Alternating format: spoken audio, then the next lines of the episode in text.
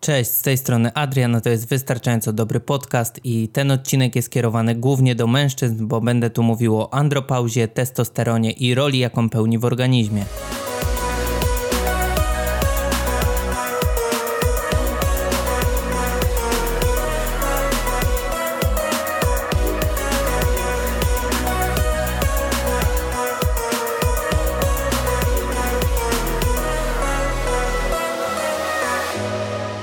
Okej, okay, dzisiaj temat, o którym ja sam dowiedziałem się ostatnio i wydaje mi się, że świadomość na ten temat wśród mężczyzn jest dosyć niska, a wypadałoby, żeby była zdecydowanie większa. No ale zacznę trochę kontrowersyjnie, bo wydaje mi się, że to się właśnie przyczynia do słabej świadomości na ten temat. Bo jak wiecie, dużo się mówi o dyskryminacji kobiet i nie chcę specjalnie rozgrzebywać tego tematu, bo nie interesuje mnie poruszanie upolitycznionych tematów tutaj, a zwłaszcza w obecnym kontekście. Jednak warto wspomnieć o tym, że i samo społeczeństwo, ale głównie mężczyźni nie są tak skłonni do mówienia o swoich problemach, o problemach mężczyzn, co później przekłada się na chociażby jedną z największych dysproporcji samobójstw mężczyzn do kobiet w Polsce, mniejszą świadomością na temat chorób typowo męskich, czy nieporuszaniem tematu nieuzasadnionej dyskryminacji systemowej, jak w przypadku przykład wieku emerytalnego. I wydaje mi się, że to, o czym powiedziałem, wpływa również na dużo niższą świadomość społeczną problemu andropauzy. Ja sam o temacie usłyszałem pierwszy raz ostatnio, co i tak nie wydaje się tragedią, bo gdy problem będzie dotyczył mnie samego, to będę mógł coś z tym zrobić i do tego czasu świadomość ludzi i lekarzy na ten temat w Polsce też pewnie ulegnie zmianie. Co ciekawe, o menopauzie słyszałem wielokrotnie i szczerze powiedziawszy, miałem do tej pory większą wiedzę na jej temat niż na temat, który będzie mnie kiedyś bezpośrednio dotyczył. Ale okej, okay, jeśli ktoś z Was nie wie, czym jest andropauza, to już pewnie po tym, co powiedziałem, mogliście się domyślić, że jest to męski odpowiednik menopauzy. I u mężczyzn wiąże się on ze spadkiem hormonów androgennych, a nie tak jak u kobiet mm, z nieodwracalnymi zmianami, jeśli chodzi na przykład o funkcje reprodukcyjne. I może to jest też przyczyną nierozwiązywania tego problemu, na przykład farmakologicznie, bo nie jest to aż tak widoczne i nie daje takich objawów fizycznych. Jednak problem jest tak samo ważny, bo obniżony poziom androgenów nie tylko obniża sprawność seksualną, ale może przyczynić się do rozwoju osteoporozy, miażdżycy, cukrzycy, obniżonej motywacji, samopoczucia i ogólnie obniżonej jakości życia. Co za tym idzie, zwiększa też ryzyko śmierci. I oczywiście andropauza dotyczy mężczyzn w średnim wieku i jest związana z obniżeniem stężenia podstawowego męskiego hormonu płciowego, czyli testosteronu. I testosteron stereotypowo często kojarzy nam się z, głównie z aktywnością seksualną albo z napakowanymi koksami na siłowniach i ja przyznam, że ja też w dużej mierze patrzyłem na ten temat przez pryzmat tych stereotypów, ale jest to temat dużo szerszy bo jeśli chodzi o testosteron, to dzisiaj problemy z nim mają nie tylko osoby w średnim wieku, ale też mężczyźni w sile wieku. I badania pokazują, że zachodzi właściwie pokoleniowy spadek poziomu testosteronu. Mm, krótko mówiąc, nasi dziadkowie mieli wyższe poziomy tego hormonu niż my w tym samym wieku. Oprócz tego od około 30 roku życia poziom testosteronu w organizmie z roku na rok spada o około 1%.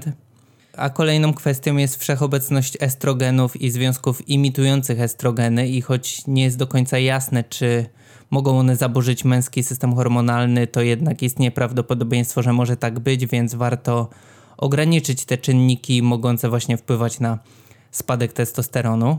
Dlatego ja sam, dowiedziawszy się, jak ważną rolę spełnia testosteron i jakie mogą być skutki jego obniżenia i później w późniejszym czasie andropauzy, chciałbym optymalizować jego poziom w organizmie i utrzymywać się co najmniej w tych uśrednionych wartościach normy.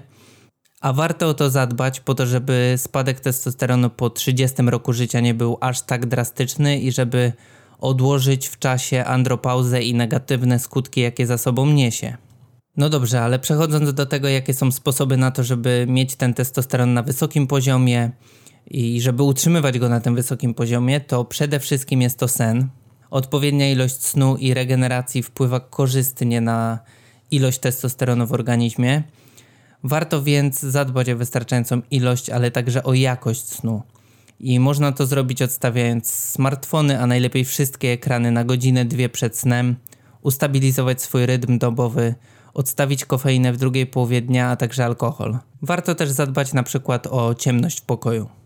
Kolejną rzeczą niezwykle ważną jest stres i nikomu chyba nie trzeba tłumaczyć, jak źle chroniczny stres wpływa na właściwie bardzo wiele aspektów życia i jak się okazuje, ma on również negatywny wpływ na system hormonalny, w tym na testosteron. Mm, jest to oczywiście temat dużo szerszy, bo w obecnym świecie stres w nadmiarze jest wszechobecny i może przyczyniać się do wielu chorób i zaburzeń, także warto zainteresować się jego obniżaniem nie tylko w kontekście testosteronu i tutaj pomocna będzie medytacja, zdrowy sen, prawidłowe odżywianie, a pomocniczo na przykład adaptogeny. Następną rzeczą jest aktywność fizyczna i najważniejsze jest to, że na niski poziom testosteronu w dużej mierze wpływa otyłość. No a jak będziemy mieli sporo tej aktywności fizycznej regularnie, no to mamy mniejsze prawdopodobieństwo na to, że ta otyłość nas dopadnie. Poza tym sam trening też wpływa korzystnie na poziom testosteronu, ale tutaj warto zaznaczyć, że musi być on odpowiedni. I najlepiej sprawdza się krótki, intensywny trening niż długotrwały i umiarkowany wysiłek. Dlatego świetnie sprawdzają się treningi interwałowe o dużej intensywności oraz wielostawowe ćwiczenia siłowe. I ostatnią, ale niezwykle ważną rzeczą jest dieta, i tutaj warto wspomnieć, że diety roślinne nie będą najlepszym rozwiązaniem, bo musimy zadbać o zbilansowaną dietę, bogatą w dobre, zdrowe tłuszcze, bogatą w cynk, w selen i w magnez. Warto jeść jajka, w nich oczywiście najważniejsze są żółtka, y, wołowinę, orzechy brazylijskie, oliwę z oliwek, awokado czy szpinak, a unikać produktów bogatych w tłuszcze trans, fitoestrogeny takie jak soja czy cukrów prostych. A jeśli chcielibyście wspomóc swoją dietę, to możecie włączyć do niej suplementację witaminą D, magnezem czy cynkiem. A jeśli przy suplementacji już jesteśmy, to warto w kontekście optymalizacji testosteronu zainteresować się tematem adaptogenów, takich jak ashwagandha, maca czy tongat ali, bo one też potrafią podnosić te poziomy testosteronu w organizmie.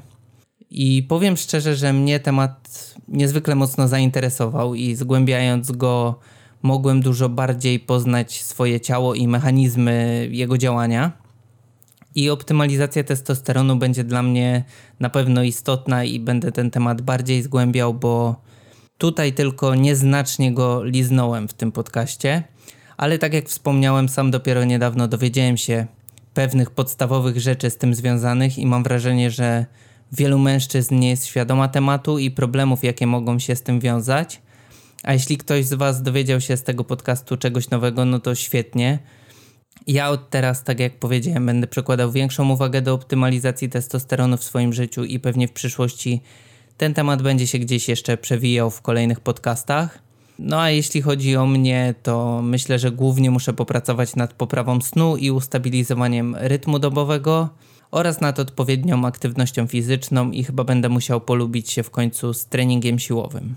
A tymczasem dzięki za wysłuchanie tego podcastu i zapraszam Was na kolejne odcinki. Do usłyszenia. Cześć.